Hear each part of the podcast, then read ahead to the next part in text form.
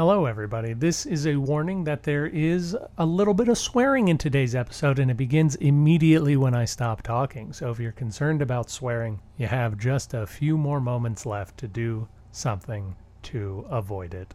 Enjoy the show. Can I, am I allowed to swear? You guys, is this clean? It can, you can Go swear. for it. Yeah. Just fucking elect Betty White as our, as our queen.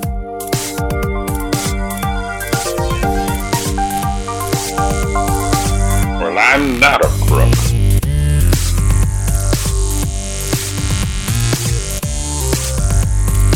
Because they are hard. Welcome to Presidential Deathmatch, the only presidential debates that matter. On today's program, reasons to hate Woodrow Wilson other than racism, Dennis conspiracy or 19th century conspiracy, take our quiz to find out. And need to start a civil war? Millard Fillmore. Today on the program, guest Andrew Heaton moderates a debate on which president he should model his Whig candidacy on. Be arguing for Millard Fillmore, and I will be arguing for William Henry Harrison. Dennis and I will be using Truman Dewey style debate, which means the person that you thought lost won.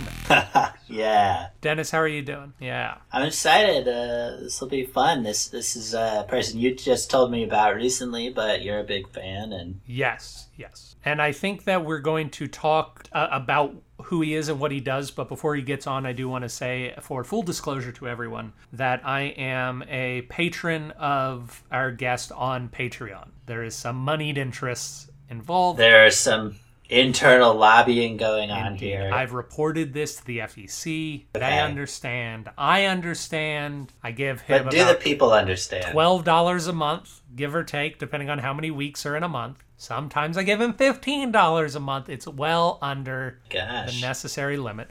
But he's he's very exciting. He's a professional comedian and podcaster. He Yeah. Yeah. I'm excited. We don't really do the politics thing, but this guy's a politics guy, and uh, and you and we don't do it on the podcast. I don't do it in real life, so I'm also a little worried about uh, if it comes up. I might just have to fade into the ether and, and let you guys talk shop. But yeah, I'm definitely much more in favor of forcing him to talk about presidential history than having us concede and talk about politics. we are going to go to retractions in just a second, but before we do, let's check up on our polls. The polls. John F. Kennedy destroys James K. Polk in Adman, a grievous slight against James K. Polk, in my humble opinion. Huzzah! And currently, George H.W. Bush and Benjamin Harrison are tied for Oh, administrative assistant. So please get out there and vote.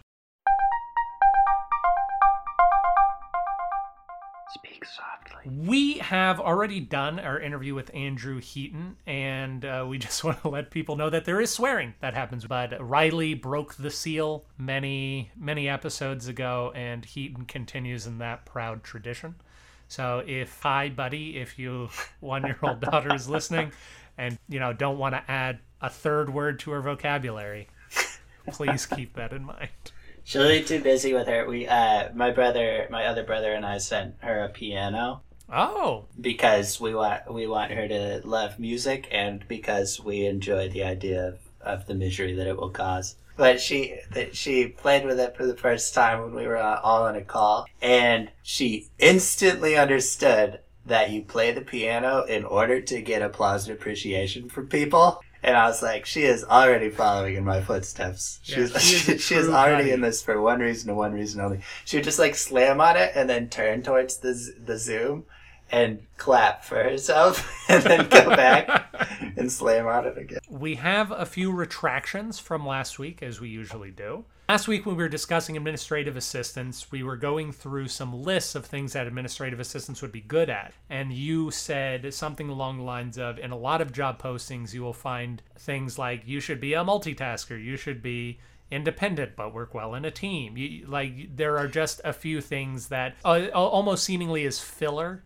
put in. Yeah. Uh, I think I have found something that they say about most presidents before 1904, which is that they say all sorts of presidents that they had modern campaign tactics that paved the way for our modern elections. That's funny. It just basically is like people tried everything that happened and then it happened. exactly. They said it of William Henry Harrison. despite the fact that, like most presidents of his day, he did not travel, he did not speak, he had surrogates speak for him. They uh, they said that he had modern campaign tactics. That's and I wanted to talk about presidential voices. So last week on the podcast, I said that Benjamin Harrison was the first president that we had. No, the uh, the oldest recording of a presidential voice that we had, but that we had a recording of Grover Cleveland's voice, so he was not the first president that we had. That turned out to be incorrect. Of course, if you listen to last week's podcast, you can hear a snippet of Benjamin Harrison's voice, and I Yes. think I did him justice. I yeah, you did him justice. I loved the recording. I was like, oh man, they really hadn't figured out the whole wind thing yet with recording, but it only takes one time to figure out wind. Like it's there's no technological innovation of like putting something in the way of wind on the microphone. I don't think that was wind interference. I think it was. Uh, I think it was der- deterioration of a wax cylinder. Ah, I think of just the media that they recorded on uh, was was worse. Because you can listen to all sorts of things that are recorded indoors, and they go. that quality that we're always pursuing nowadays. So I said that Benjamin Harrison, and number one, the the clip that I got from Benjamin Harrison, there's a really nice YouTube video of presidential voices that has. So it has uh, William McKinley's voice. It's got Theodore Roosevelt's voice. It has Woodrow Wilson's voice. Woodrow Wilson sounds exactly like the nebbishy dweeb you'd expect him to sound like from the way that he looks. But I was wrong. We don't have a recording of Grover Cleveland's voice but people say that we do. So I went to go find the things that people said, and that is actually a recording of William Jennings Bryan. Ah, the Silverman.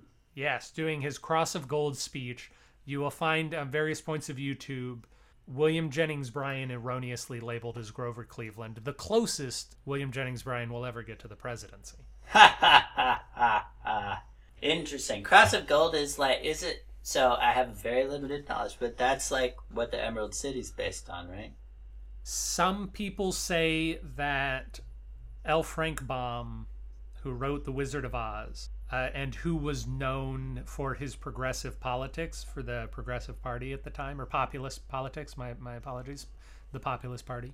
Uh, some say that you can read The Wizard of Oz as an allegory for populist politics with William Jennings Bryan as the Cowardly Lion, but L. Frank Baum himself denies It. But then it's like when you mix around the letters in L. Frank Baum, it spells Williams Jennings Bryan, and that's one of the. Yeah, that's true. But yes, that that is something we learned in school, and it is something which is of unclear validity. Interesting. That's one of the nice things about studying Millard Fillmore was he was born in 1800 and president in 1850. And so it's like everything that happened in his life, I was like, he was 39 at this point. Yeah, this is real easy for me. yeah. Another Buffalo, New York man. Yeah, weird. Presidential Deathmatch regrets the errors. And without further ado, we move on to our interview with Andrew Heaton.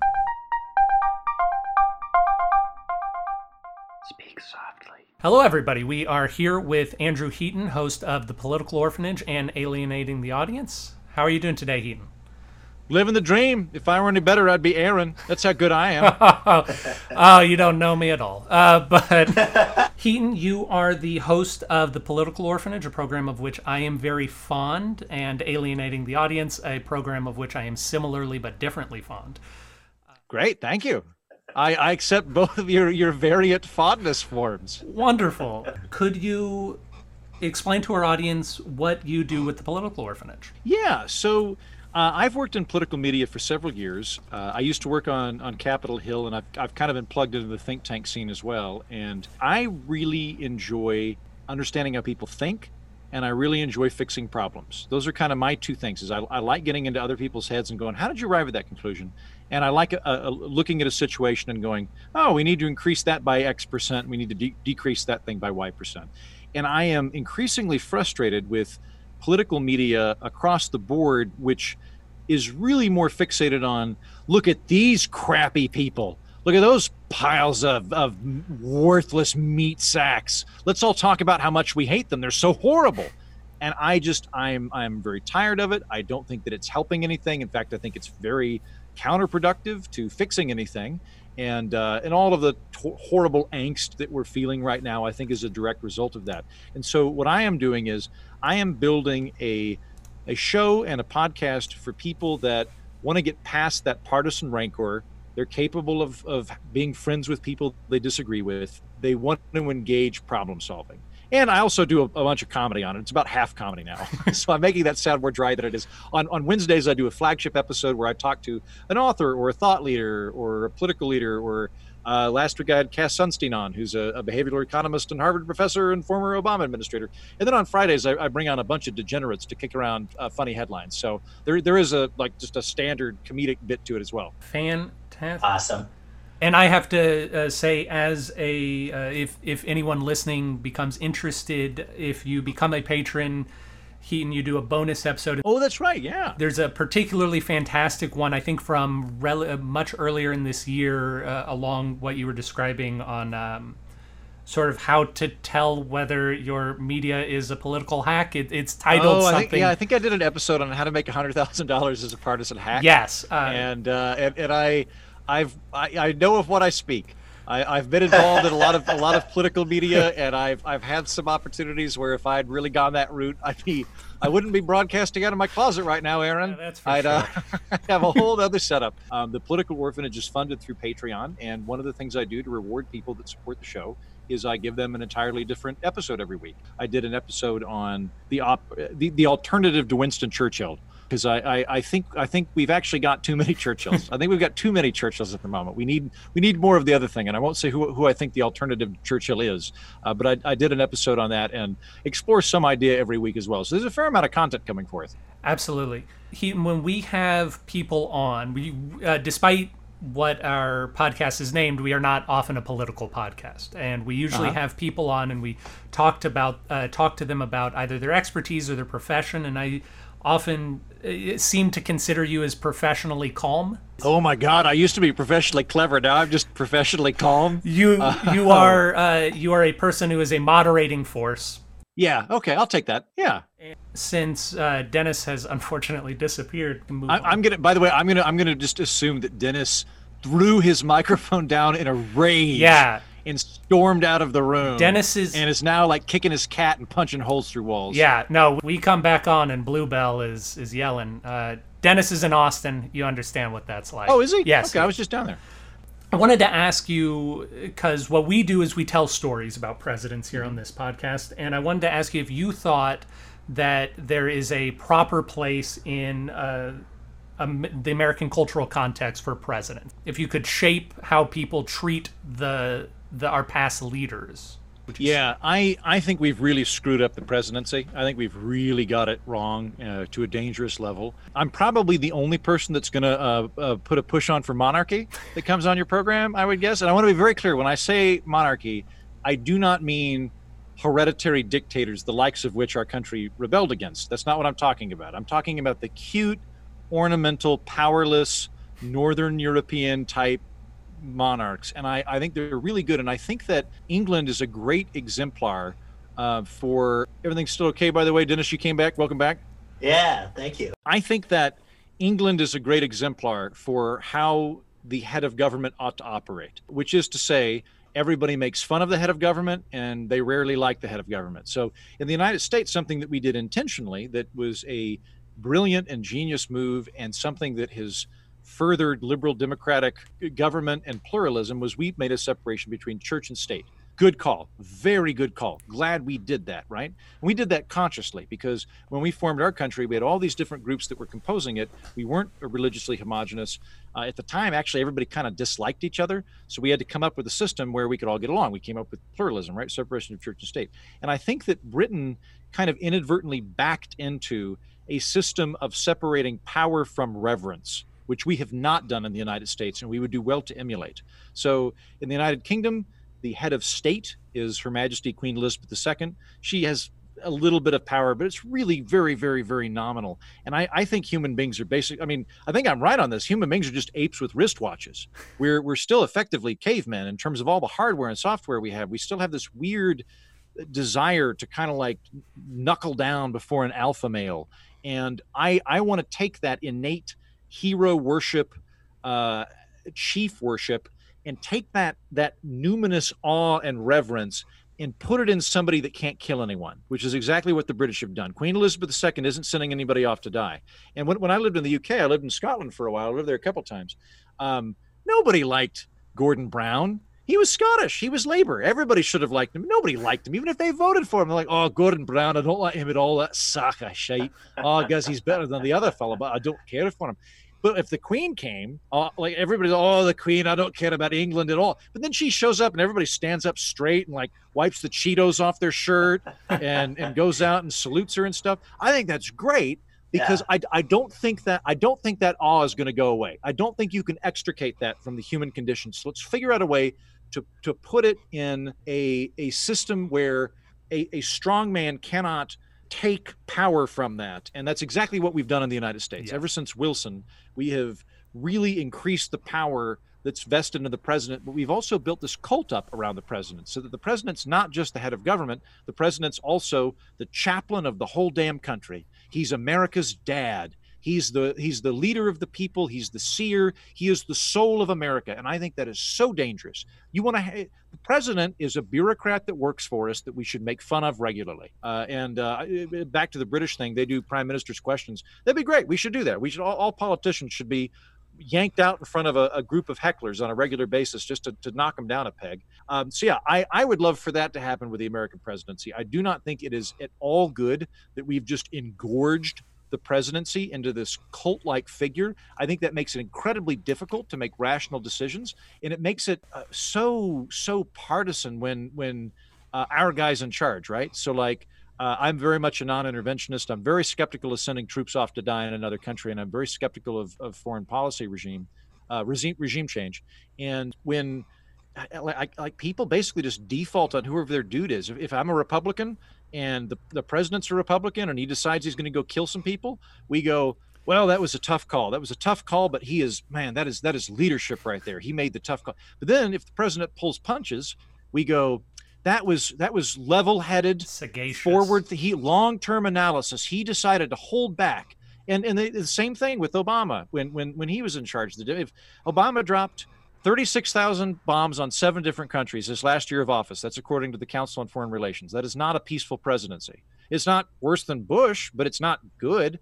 Uh, but because he was a Democrat, all the Democrats are like, yeah, his heart's in the right place. He's a great guy. And I, and I think that that keeps happening when, the, the, when you're electing the president as Pope which is what we're doing. We're, we're making this, we want these policies, but we're also making a statement about who we are as a people. And I'm like, just, can I, am I allowed to swear? You guys, is this clean? You can, you can go for it. Yeah. Just fucking elect Betty White as our, as our queen. That's right, what I want yeah, to do. Yeah. Betty White's great. If she's not up for it, get Patrick Stewart or Kelsey Grammer or Dick Van Dyke. Find some lovable, amiable comedian, and that'll be who we decide is the person that represents America. And that that person embodies our country. Great. But when the, the presidency just becoming this giant thing with so much emotional gravity to it, I, I think has been uh, a very bad course for the United States, and I think it forebodes worse things to come. Thank you very much. Like it. I always felt that the Kardashians were almost there. Mm. We just need that final push. Everyone just needs to get on board with them being our royal family. I think we're there. I mean, eh, could happen. I don't know. Like she got a lot of folks out of jail. And, yeah, uh, yeah. And and you know that said, I I, I just I just want to split that power. Uh, yeah. So uh, you know, if if, uh, if if if it were up for a vote, if it were either no ceremonial monarch or it has to be Kim Kardashian, I would vote in favor of Kim Kardashian. Me too. Now, me too. Nice. Heaton, I had originally I was originally planning to ask you on to talk about alienating the audience and we would figure out like which president would be the best Starfleet captain or something of that nature. But then a few weeks ago you announced mm, something okay. very much in keeping with what we do here. Uh, you announced that you are running for the vice president as the Rogue Whig Party, I believe. That's right. Is that correct? Yes, that's right. Uh, and so we would like to ask you a few questions about that, and then how did this uh, come about? How easy is it to file with the FEC, and are you officially on the ballot in Louisiana? Uh, this came about, you know, there, there's a long storied history of comedians running for president. And my, my hero, uh, Dave Barry, does it every four years. Before him, Bob Hope did it, Ron White did it. Uh, Steve Colbert did it. I think Steve Colbert ran as a Republican and a Democrat in South Carolina. I believe was what he, what he did back in 2004. Uh, and there's a movie uh, with Robin Williams, I believe. Uh, Yeah, that I got to say that one's not very no, good. but though. it's still the, the cultural idea of a comedian running for president right, is very right. th- well, that was basically that was them just flating Jon Stewart in, in cinematic form because he like the, the Daily Show was fresh and they were like, wouldn't it be amazing if he were president? Um, so so uh, I was thinking about it and, and um, the uh, uh, you know the po- politi- politics right now is so awful. It's it's so just fraught with uh, anger, bile, and bullying that I was like, oh man, if I like even for fun, if I ran for president, it wouldn't be fun. So what I decided to do is I'm going to run for vice president, but I don't have a president on the ticket. I'm just running for vice president. If I win, I will be vice president for whoever won the presidency or whoever got second place. I'm not really sure how this is going to work. Let's say I win uh, like the, the majority of electoral votes as pre- as vice president. I don't know whether we just don't have a president anymore. I, I think what I think what we do is I'll just pick the runner up as the president. That seems like the fair thing to do. It's one Um, of the amazing circumstances in which the electoral college would actually be useful. Yeah, Uh, yeah, yeah, Because yeah. you've got a Um, person. So so uh, so yeah, so I decided to do that. We've got about three months left to, to kick this around. Although I have uh, I have re uh, rebirthed the Whig Party. There was some the reason it's the rogue Whig Party is Whig Party stopped, and I I think what 1876 I think is its last breath. Uh, 1852. 1852. 1852. My bad. Okay. I okay. Yes. All right. Good. 1852. Uh, and uh, uh, so I, I was like, well, we'll bring it back. And there was this thing called the Modern Rogue Party for a while, but I don't think they actually did anything. I think they just made a website. But it was it was causing some confusion where people were like, are you are you this thing? And I was like, no. So we we struck off. We formed the Rogue Whig Party, and uh, it, it will presumably, you know, maybe next time I'll. Uh, I'll, I'll run on multiple tickets or I'll come back and I'll run for vice president again. I don't know. But we've got three months to play with it. Filing with the FCC is not difficult. That's actually very easy to do. Filing with the F, F, uh, the FEC for, for, well, for president, we'll see what happens when I'm only running for vice president. That's not hard. Uh, you basically fill out a PDF, you send it in. I don't think there's even a filing fee. If there is, it's pretty minimal. Um, and that's why, like, Deez Nuts, Anybody. things like that will be will be listed uh, on on the ballot or Harambe or whoever. Um, that'll happen. Uh, the state ballots are are the the far more difficult and onerous thing to do. Now I have um, I have several hoops that I have to jump over. Um, some of which are understandable. The understandable ones are I am filing three months before the election, which is traditionally a bit late in the American political process. And uh, I'm also running without a running mate, which is also odd for a vice presidential candidate. And I'm bringing back a, party that hasn't been around since 1852. So I have a, a few things that are already kind of leaning against me.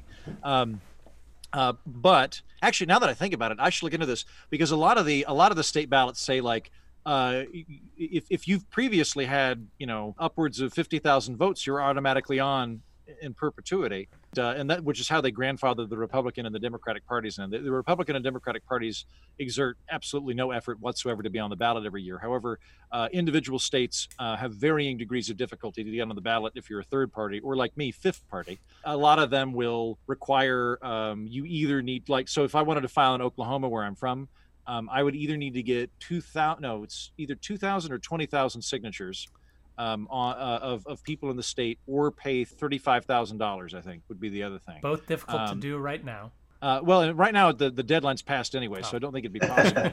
uh, but but had, had it happened, and, and for the record, like like uh, like uh, the, the, the logic that's usually uh, usually pushed out is something like, well, we don't want to we don't want to waste you know ballot space with people that aren't aren't real candidates, Right. and that's fair, except that's not what they're really doing. What they're the, the states very deliberately are, are trying to raise the threshold high enough to make sure there's never a legitimate third party contender, or if there is, that they have to expend so much resources just to get on the ballot because it takes a lot of money. Like if you want to get on a ballot, if you got to get 2,000 signatures, uh, generally you don't do that entirely through volunteers. You got to pay people because it takes a lot of time to go out there. Not everybody can take, you know, Tuesday through Friday off, and so it, it it's a very smart way to to have a kind of Putin-esque fake democracy. The two parties have rigged there. Uh, good good for them in that. In my case, I I am looking to file in Louisiana. Louisiana, I believe you can either do signatures or a five hundred uh, five hundred dollar filing fee. And I was like, oh, I can pony up five hundred dollars. That's doable to me. And uh, I don't want to be a spoiler. Love it if we instituted ranked choice voting, but I, I don't I don't want to bring the Whig Party back since 1852 and then have it suddenly screw up the election. That is not something that I want to do. Which is why it seems to me it's pretty safe to only run in Louisiana. Like it's difficult for me to seriously screw anything up if I'm only running in one state. That's true. Yeah. I was trying to get uh, for today some of our comedian friends in Louisiana to come on and tell us about the political landscape, but they're all big John Bell Edwards fans down there. So, Who, who's that? uh, their current governor, Okay. uh, they Louisiana recently elected a Democratic governor for the first time. oh in yeah. however long. So they really don't want to do anything to jeopardize that. He's well. I was saying, if he, if he was a red state Democrat, I might get along with him well. Like I get along really well with Oklahoma and Colorado Democrats. He was uh, he was one of the guys, sort of like Steve Bullock, uh, was tossed around in 2016 and 2018. Uh, he's the governor of Montana, um, or was uh, as this is how you can run as a Democrat in a red state. Uh, John Bell Edwards was sort of trotted around as that for a little Yeah. bit as well, and he's like, you gotta listen to people, which seems Yeah, I think there's something to that. a- I get like I, between the Republicans and the Democrats, I prefer the Democrats at the current moment. Granted, I, I know I just stepped over you, but you got me all hopped up, right? no, please, you're a guest. But uh, but no, that that I, I got like I would I would prefer that the Republicans get trounced in 2020. I like I like I have a soft spot for the kind of elder statesman, cosmopolitan Republican George Will model, noting that he's already left the Republican Party. I like that old kind of New England urbane I have leather books Republican type. I don't like the kind of angry fat guy with a bullhorn type Republicans, which is the, the predominant model Yeah, at the moment. So I hope they get trounced to try and bring him back. And uh, for that matter, I'd like the Democrats to do better, and they're doing a oh they're they're not good at this. No, like like like de- Demo- Democrats like I don't know who they're talking to, but they'll like they'll wheel into the red states and be like, hey hey bigots, put down your pitchforks, you morons. And it's like, Yeah. guys, this is not like weirdly enough, this is not how you get people to elect you. And they do it all the time. They're really bad at it. They just like any if you're a Democrat and you live in New York City or or in in any state touching the coast, just don't talk to anybody in the middle of the country because you're probably going to screw it up. Uh, Yeah. Since Dennis and I both live in Texas, we are well aware of the phenomena. Oh, they hate you guys. I shouldn't say Democrats, but I'll say, having worked in media, coastal media hates Texas. Like it really like Yeah. We've talked any, about anytime there's a COVID story, they'll try and figure out a way to take a pot shot at you guys. Yeah. Of like, and Texas, and then they'll like they'll mention some policy that Texas did, make it sound horrible, and they'll leave out that like Colorado's doing the exact same thing. But Jared Polis is a cool guy, and he's a Democrat, and, and Colorado's purple, so we're just not going to mention that. But they, yeah, they don't like you guys at all. No, no, we t- spoke several weeks ago, uh, Dennis and I, about how we always get nervous when Texas is in the news because it's never good. Even during never Harvey, it wasn't good. Like they still made Yeah. us the bad guys during Harvey, which was Yeah, it you- became you- you about could even- You can even extrapolate that, like like I, when I lived in Scotland, like you know, you'd, you'd hear like, "Oh, I don't like Americans. You're not. I just I don't like you. You're irritating." And you're like, "Do you?" And I'll be like, "Do you like black people from Detroit?" And they're like, "Oh no, they're fine. Yeah, of course, I no, I'm no problem." and I'm like, "What about like Asian people from California or you know or Oregon?" They're like, "Oh no, they're fine too. I have no problem with them." And I'm like, "Who are you talking about?" Well, you don't like eh, loud fat people that own guns and have cowboy hats. And I'm like, Texas. You just don't like Texas like like that's like uh, that's it like the, the, i gotta say i'm sorry the rest of the world hates you too but then they visit you and they love you anybody that goes to texas has a great time Yeah, we're you, you just sometimes you got to take your lumps and trust that Yeah. uh, you put the work in. So unfortunately, it is here where my internet cut off ever so briefly, leaving me stranded. Only to join Heaton and Dennis in the middle of what promised to be a very amusing story, which we'll cut back to now. like they get off in uh, uh austin bergstrom airport or whatever and someone's like welcome to texas. Here's a gun. You have friends yet? And, and they'll be like man i don't know. Anyone they're like well you know me. I'll introduce you to the mayor. And then they just like they get adopted by a bunch of texans who take them to barbecues and like offer to let them marry their sister and stuff and they leave and they're like that was great. I love that place. We should go back to texas every year so they just need to meet you guys it's just you guys are just portrayed horribly in media is basically it You you did actually just literally describe how my best friend's sister married uh, his, her current husband. Hey, I'm willing to fake an accent to score a Texan girl. Next time I'm down there, hook me up. I'll, as you can tell, I'm Oh, good yeah. at voices, so I'll just, uh, yeah, I'll, I'll put on a, a, a, a blazer and then marry a blonde lady. Uh, can do. Uh, before we get to the debate, uh, just a few facts about your current Whig run. So, number one, you may not realize this, but by running only in Louisiana, you are actually following a proud Whig tradition.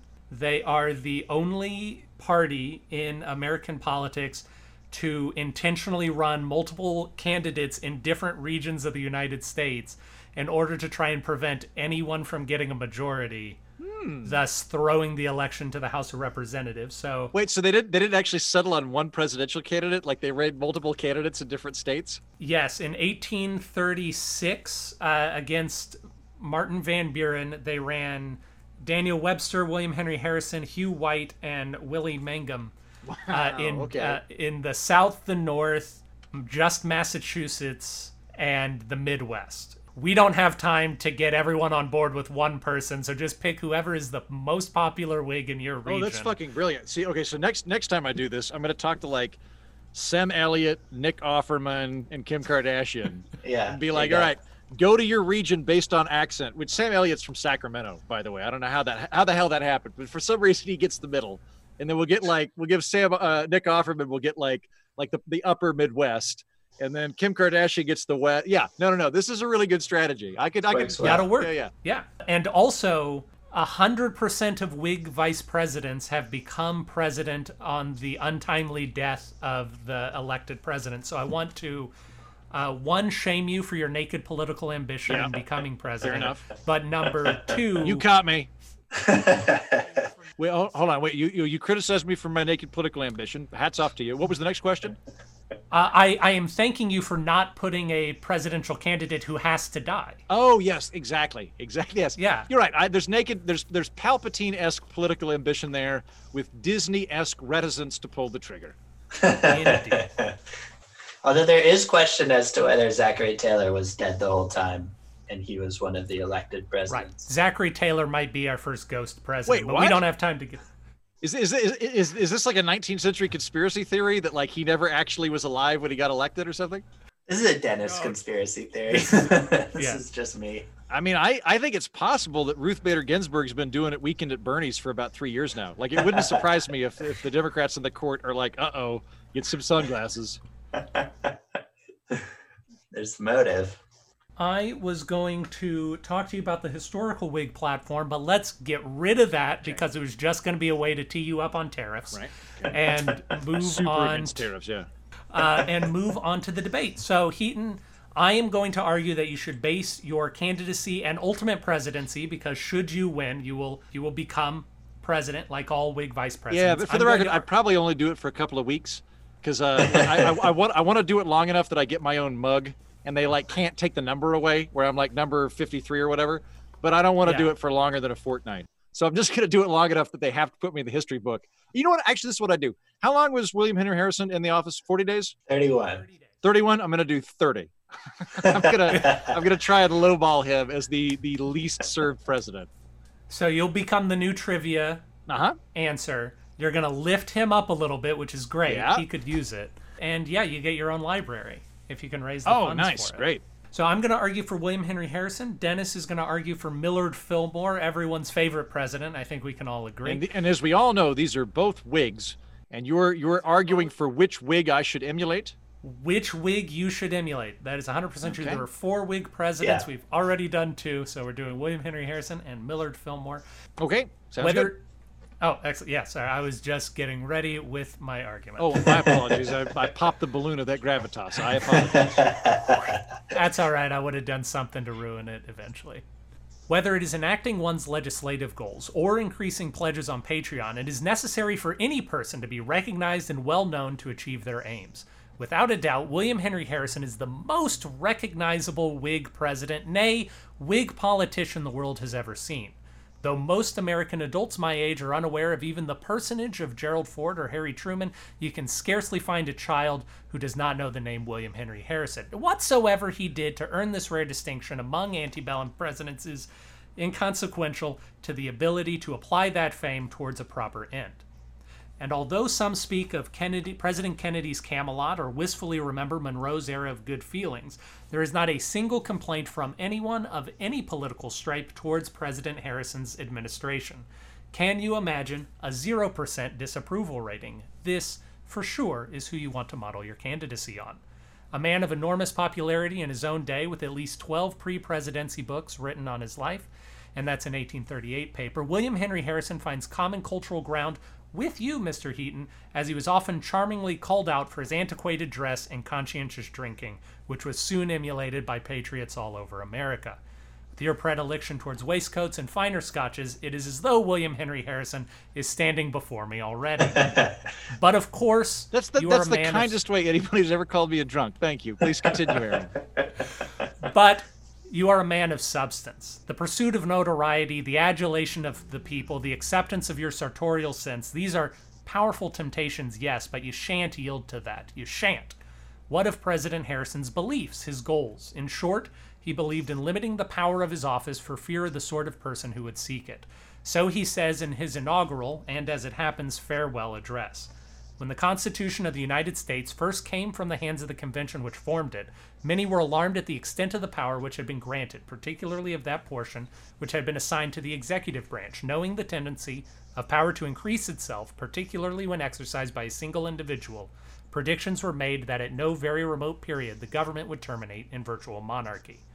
He goes on to say that the executive branch can circumvent Congress too easily, that the common people will tend to ignore this habit as it suits their immediate needs.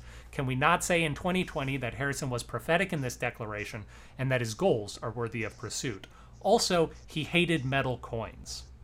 Now, true, he wasn't able to fulfill any of these ideas because an unfortunate bit of death rather early on, but like any good comedian, President Harrison knew how to leave them wanting more And he was a Bitcoin guy. credit. So Bitcoin sounds Early, early Sounds about Bitcoin. right. Okay. Yeah, cool. Sounds like a swell dude. I like the whole drunken waistcoat man. Yeah. I thought Awesome. you might. All right. I'll follow I'm on Milli Vanilli now. Millard Fillmore. He was the last of the Whigs, and he was elected as vice president, like you would be, and rose to the presidency after Zachary Taylor passed on, quote unquote, early in his first term. The two did not get along, uh, which would also be likely if you were elected on a unity ticket. So looking to him as an example would be useful there. He was somebody who was interested in bipartisan, uh, or he uh, he succeeded in bringing the party to an end by being so staunchly interested in progress through compromise between both parties and rule following that he basically hit fast forward on all of the intense national conflict that was going on, basically slavery, uh, and then that ended all of the other kind of interpolitical conflicts that were happening. Uh, but that means he ended slavery faster, and today more than ever, I think that that kind of progress and that kind of bipartisan progress is what we might be interested in here. He was interested in cooperation. Uh, he didn't rise to the presidency by being a war hero like William Henry Harrison. He did it through hard work and fear mongering, which I think we all know is a much better strategy. Mm. Should also Yeah. be noted that uh, there's a comic strip called Mallard Fillmore, and uh, you're a comic, so Mhm. there's that as well. Did That he ever get into a fight with Garfield? Is that a thing? I don't. I don't know. I, I maybe in the comic strips. Or President I would hope so. Marmaduke? Marmaduke was uh, too much. He was too peaceful. Oh, He, okay. he avoided conflict at all at all costs. Did you guys? Oh, oh, hold on. Keep keep going. Sorry. That's that's that Oh, concludes my argument. I Follow up kept question. Short and sweet. Wait, Millard Fillmore, isn't he our first gay president? Isn't that a thing? I did not see that in my research. I don't know, Aaron, if you know if that's the theory, but uh, Did- didn't he? would- Didn't he live in the White House? Like he was a bachelor, like his whole life, but he lived with his other bachelor buddy in the That's White that. House, like in the same You're room. thinking James think Buchanan. that's- Oh, Buchanan. Buchanan. My bad. Okay, Millard Fillmore. My bad. Yeah. Okay, thank Yeah. you very much. but I he- appreciate that. I mean, I'm willing Oh, to swing go. either way to get elected, but Um, yeah, if if it helps you though, Millard Fillmore was described by Queen Victoria as the most handsome man she ever met. Yeah, It- he Uh, looks like Alec Baldwin, kind of. It's a weird He choice. does. yeah, you know what? kinda I like agree. he Alec. actually does kind of look like Alec Baldwin. Yeah. And um, uh, I I once got described by a lady named Vicky over at Smoky Joe's on Fourth Street as the most handsome man she'd ever met. So the parallels continue. That is There true. That's a lot of parallels. as though you were plucked from time itself. Wait, so so do it now? Do I pick who I'm going to emulate? Uh, so, if you have any questions about uh, William Henry Harrison or Millard Fillmore, we would be happy to to uh, help you out Okay. if if you are left with thoughts. Yeah. Okay. First of all, did did they have a official uh, Whig animal back then? Like it had been selected? Because I don't think like like the, like I know that the the donkey didn't come about until Andrew Jackson because somebody called him an ass and he thought it was funny to kind of own it. And I don't remember. I think the I think the elephant was like a war reference to Lincoln. There was some sort of like old saying about like like to swipe the elephant or something, and that meant like like something to do with the military. It, it doesn't have any bearing on us now, but it, like it stuck with Lincoln. So it was was there an animal associated with it, with the Whig? I have not seen one so far. I have been looking it up, but I, I think that both I, I think both the donkey and the elephant came about during Reconstruction. Okay, yeah, that's that sounds about right. Okay, let's see. Um, Oh no, you're right. Uh, Whig attacks against Andrew Jackson. We could give him an animal. oh no, we already picked one. It's raccoon. Raccoon Yeah. is the party animal. I just I, I wondered if, if if maybe the the Whigs of of of yore had struck on to our current brilliance in terms of picking a trash panda as their mascot. Uh, let's see. Yeah, William Henry Harrison. Uh, was he Tippecanoe? Yeah. He was Tippecanoe. So he, so he was like he's most famous for like sinking British ships in Lake Superior. he's famous for. Because I well, do mean, that he's right now. So like if that's the case, I feel like I should I should like I should emulate him. He he is famous for that. He is famous for being the first governor of Indiana or the Indiana Territory. Okay. As well. I don't I don't Uh, got but yes. that going for me. What about oh, did, did did Fillmore come up through the legislature or was he a governor? He did. He was a politician in New York, and he. I don't think he was in the House or the Senate. He at was all, a though. governor. Okay. So then probably I would governor. guess then he was probably a governor if he did that. Right. Yeah. Uh, yeah. Yeah. He. Uh. Yeah. He did. He came from. He. There's the two kind of come from nothing. Uh. Kind of stories. There's the Uh-huh. one where you come from nothing, and you're you're mad about all of the uh, kind of fancy people you meet, and so you really want to get retribution for the place that you came from. And then there's the come from nothing where you hated everything about your childhood, and so you just want to represent class once you get to the top. And he was Hmm. the second one, so he, he really he really didn't like. think. I think I'm that I'm the from I'm the snooty one that like becomes Frasier esque when I pop out of the champagne cork. So Yeah. so he's so I'd be that one then. I think so. I Okay. think so. That's what I'd Yeah, say. Uh, yeah. Okay. Um, yeah. Okay. Fi- fi- okay. William Henry Harrison. You said that he Yeah. dressed antiquated. What does dressing antiquated, circa 1850, look like, or 1840? I can't remember when he was. Now I guess he'd be earlier Uh, because he- he's he's a, a 18 1812 war veteran then, right? If he's sinking He's British 18 ships. So okay, or 1820 maybe. Um, what what a yeah. What what is antiquated? Is he wearing a powdered wig? No, no, he's wearing uh, just an unfat, unfashionable. He br- he brought it back into fashion, but he was wearing just essentially the military clothes from 1812 in the 1830s and 40s. Oh man, what a what a scamp wearing the Yeah. old yellow Yeah. uniform. Would he would he wear his military uniform? I think it was his coat, his coat and his boots. So that'd be like me. That'd be like me wearing my Star Trek uniform, but an older model. Yeah, there you go. yeah, It makes me think of uh, Coldplay from like from the Viva La Vida days. They all wore like Civil War jackets. Ah, okay. I think yeah. I was yeah. Maybe that maybe they were calling back. No, that wouldn't make sense. William Henry. Harrison. Who did Mill? Who, who was who was Fillmore's vice president? So he didn't have one because he was vice president, and then right, and they just didn't fill it when he got in there. they just didn't fill it. Yeah. Okay. that was not a thing we did until Lyndon Johnson. Really? Yeah, yeah. Yeah. Interesting. So they just they just leave it. Well, but yeah, and that was a big thing when um uh when Zachary Taylor took over, right? Um, where I, th- I think it was Zachary Taylor, where, where they, they they would call him um maybe it's not Taylor. Who is it? Tyler. Uh, Tyler, Uh, yeah, You're uh, thinking Tyler. Yeah, when Tyler took over, they called him uh, His Excellency, uh, the president, uh, because it was Yep. it was not really no one was really clear whether he was president or acting president because it had never Right, it, yeah. it hadn't happened previously. Uh, Yeah. and so yeah, so if, uh, previously when the vice presidents took up, they're like, well, got that out of the way. We don't need a vice president because we're probably not going to get shot. Uh, what would the other guy Yeah. already haven't died? And if that Yeah. happens, we'll just have the House of Representatives get in a fist fight and pick some dude. Yeah, we'll figure it Yeah. out. President pro tempore. That seems like a good idea. Oldest member of the Senate. That's fine. Okay. Yeah. Oh man, I forgot yeah. about that. Oh. Oh, what a dumb way to what, You don't a want dumb President do Strom that. Thurmond, Um, 100 year old. Uh, yeah, are are you familiar at all with uh, um, Jeremy Bentham? He's he's not an American president, Incidentally, No, he's a br- Brit, isn't is he uh. Jer- Jeremy No. Bentham was the founder of the Royal Society in England. He was he had a lot in common with, uh, um, say, o- other um, oh, I, I, uh, the, the the term is escaping me right now, but he would have gone along well with like uh, uh, David Hume and other utilitarians. This is what I'm thinking of. He's a utilitarian, early utilitarian, and uh, forms the the Royal Society, very notable, prestigious group in England. And uh, when he died, or I should back up. Before he died, he had it baked into the constitution of the Royal Society that he had to be bodily present at their annual meeting or their their biannual meeting, but he had to physically be there. And he like he somehow got it written in that so that when he died, they still had to cart his corpse in. so e- even unto now, every two years where the Royal Society meets, they wheel in the pickled corpse of Jeremy Bentham, and uh, he remains a voting member. If there's a tie vote, he votes no.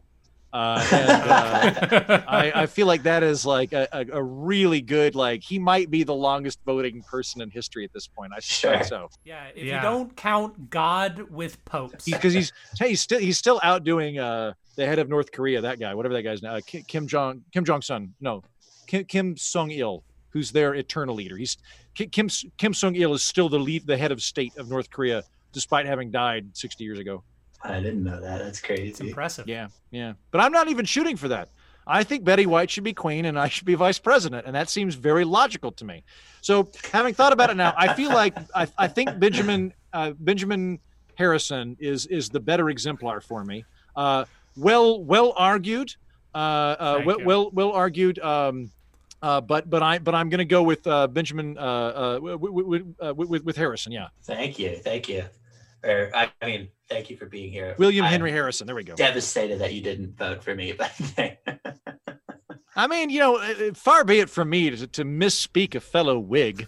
I'm not going to say negative things about uh, uh, Millard Fillmore or Harrison or those other two guys you alluded to. Uh, I shan't I, I, they're of all them at great all. towering figures of America. Uh, and uh, but I think Harrison is the one that would work better for my campaign. Fantastic. Well, Heaton is but one man, and you can also vote on who you think he should base his candidacy on at the link in the description below. And Heaton, I believe you have to get going here in a second, but everyone who is listening, please go find the Political Orphanage and Alienating the Audience. They are both really spectacular programs, and I think you will enjoy them if you like thinking or science fiction. Great, thanks, guys. thank, Thank you. you. Nice to meet you. Great. It's uh, Dennis? it's actually after talking to him a shockingly good fit for a Whig, especially because the first thing he said was all the things about the British stuff. And and as I was reading, I learned that the Whig Party is actually taken from an English party called the Whigs. That their whole thing was that they they didn't like King George, like who was president at the time of the American Revolution. And so they were like, well, we we don't like King Jackson because they didn't like how much power he had and how he made it all about his public image, and that's why he was getting all the votes.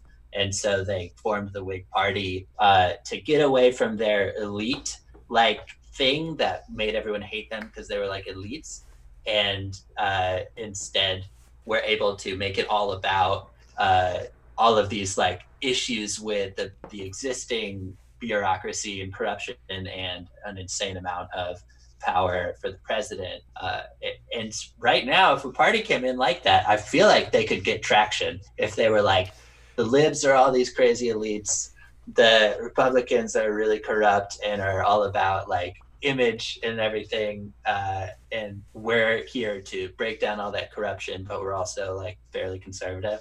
So it's kind of a weirdly good fit. And I, I- I, we do have a party like that, Dennis. They're called the Libertarians, yeah, and yeah, people yeah. hate them. Which is i guess what he what what andrew heaton identifies with most so He is an independent. I believe he has described it as libertarian-leaning independent in the past. my friend uh, my other friend aaron took a quiz and uh, he came back that he's a libertarian communist uh,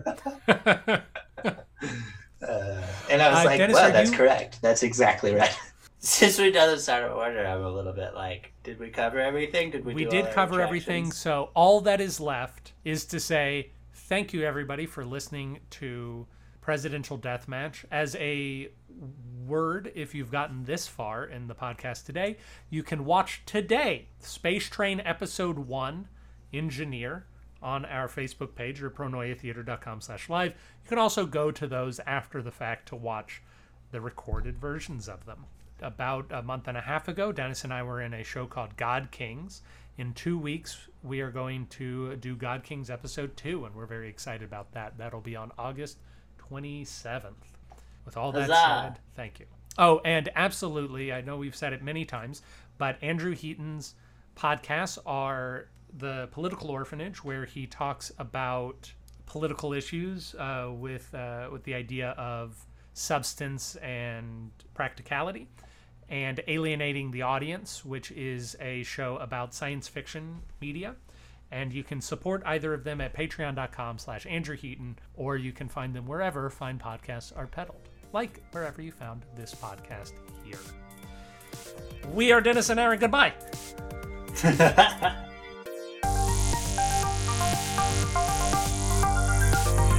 Thank you for listening to Presidential Deathmatch. Presidential Deathmatch is a production of Pronoia Theater. You can find more out about us at pronoiatheater.com. This program was edited by Aaron Garrett with music by Dennis Buddy and hosted by those same two lovable goofballs. You can always email us at contact at pronoiatheater.com. If you enjoyed the program, we ask that you rate and review wherever it is you found us. It really helps us out. And if you didn't like the program, why don't you stick around? We really grow on you.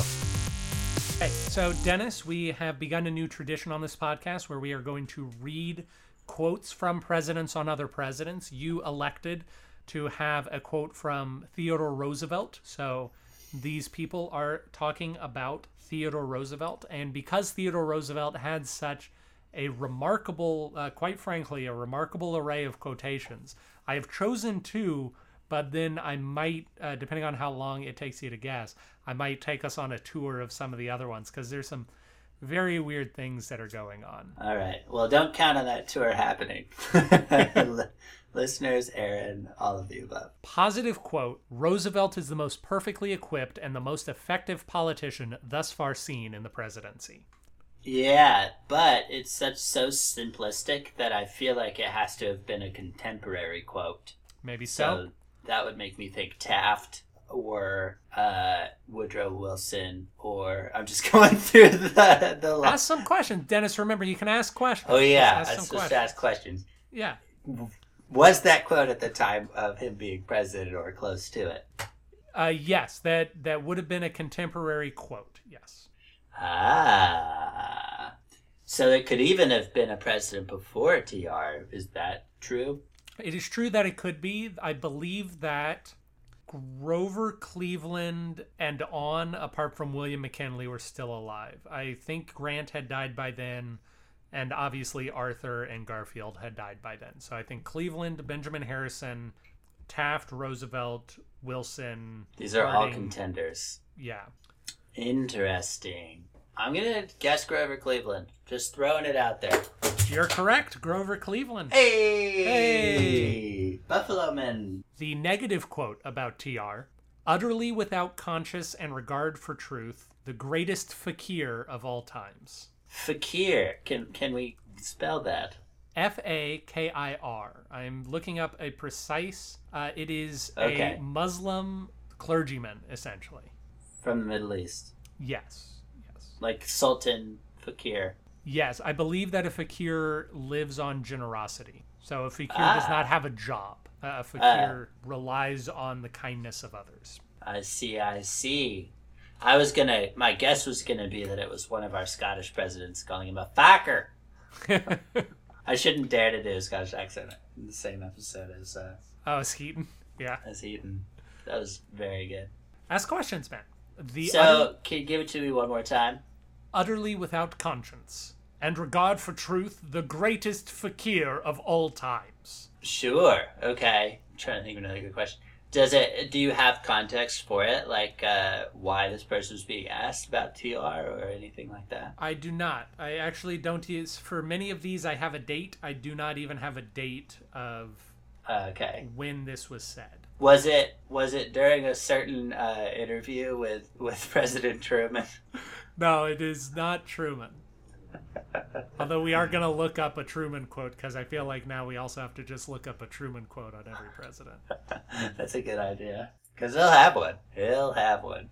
Like, what kind of a president would just like have access to Middle Eastern clergy. I, I'm going to, we're going to go on a little bit of a journey after you answer, but don't think about that because I don't think it's important.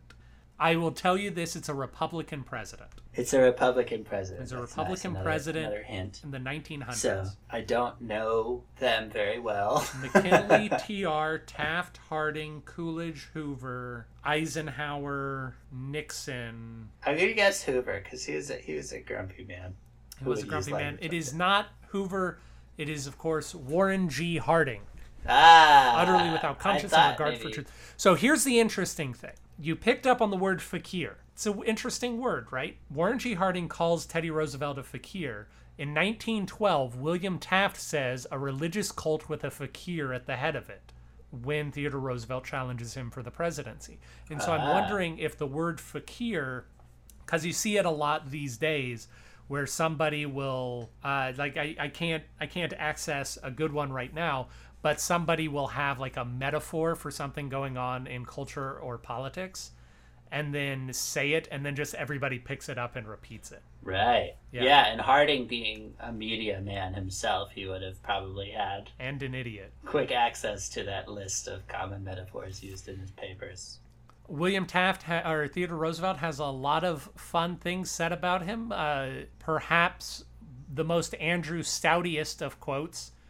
He is a great big boy. There is a sweetness about him that is very compelling. Woodrow Wilson said that about TR. And then, as always, Harry Truman has some things to say. Harry Truman says of Teddy Roosevelt in his traditional brief way in my view, missed being a great president, though only by a narrow margin. The trouble with Teddy Roosevelt is that, though he was the president who finally awakened to the fact that the welfare of the country was wrapped up in the forests and the mines and the other things the country owned, he had his troubles with Congress and he had his troubles with the trusts. And he didn't get a heck of a lot done. He finally got to be called a trust buster, but he didn't bust very many of them. He ended up adding up to more talk than achievement. Truman. Drop the mic, walk out of there, Truman, like you always do, into another room to pick up another mic. and start talking about another president. start talking about Zachary Taylor for some reason. Yeah. I like your Truman voice. I don't know. Thank you. It's it's probably close to my Woodrow Wilson voice. Although, hold on, no, this would be my Woodrow Wilson voice. Uh, hello, my name is Woodrow Wilson. What's a th- oh no, the- uh, Woodrow. He is a great big boy. He has a gentleness and sweetness about him. Whereas Harry Truman is in his throat, and he's just kind of angry. uh, Woodrow Wilson. Hi, my name is Woodrow Wilson. I'm a racist, but don't let that color your opinion of me. I also ruin the executive branch for everybody. Your Truman is just kind of like excited old professor. Yeah. Funny characterization for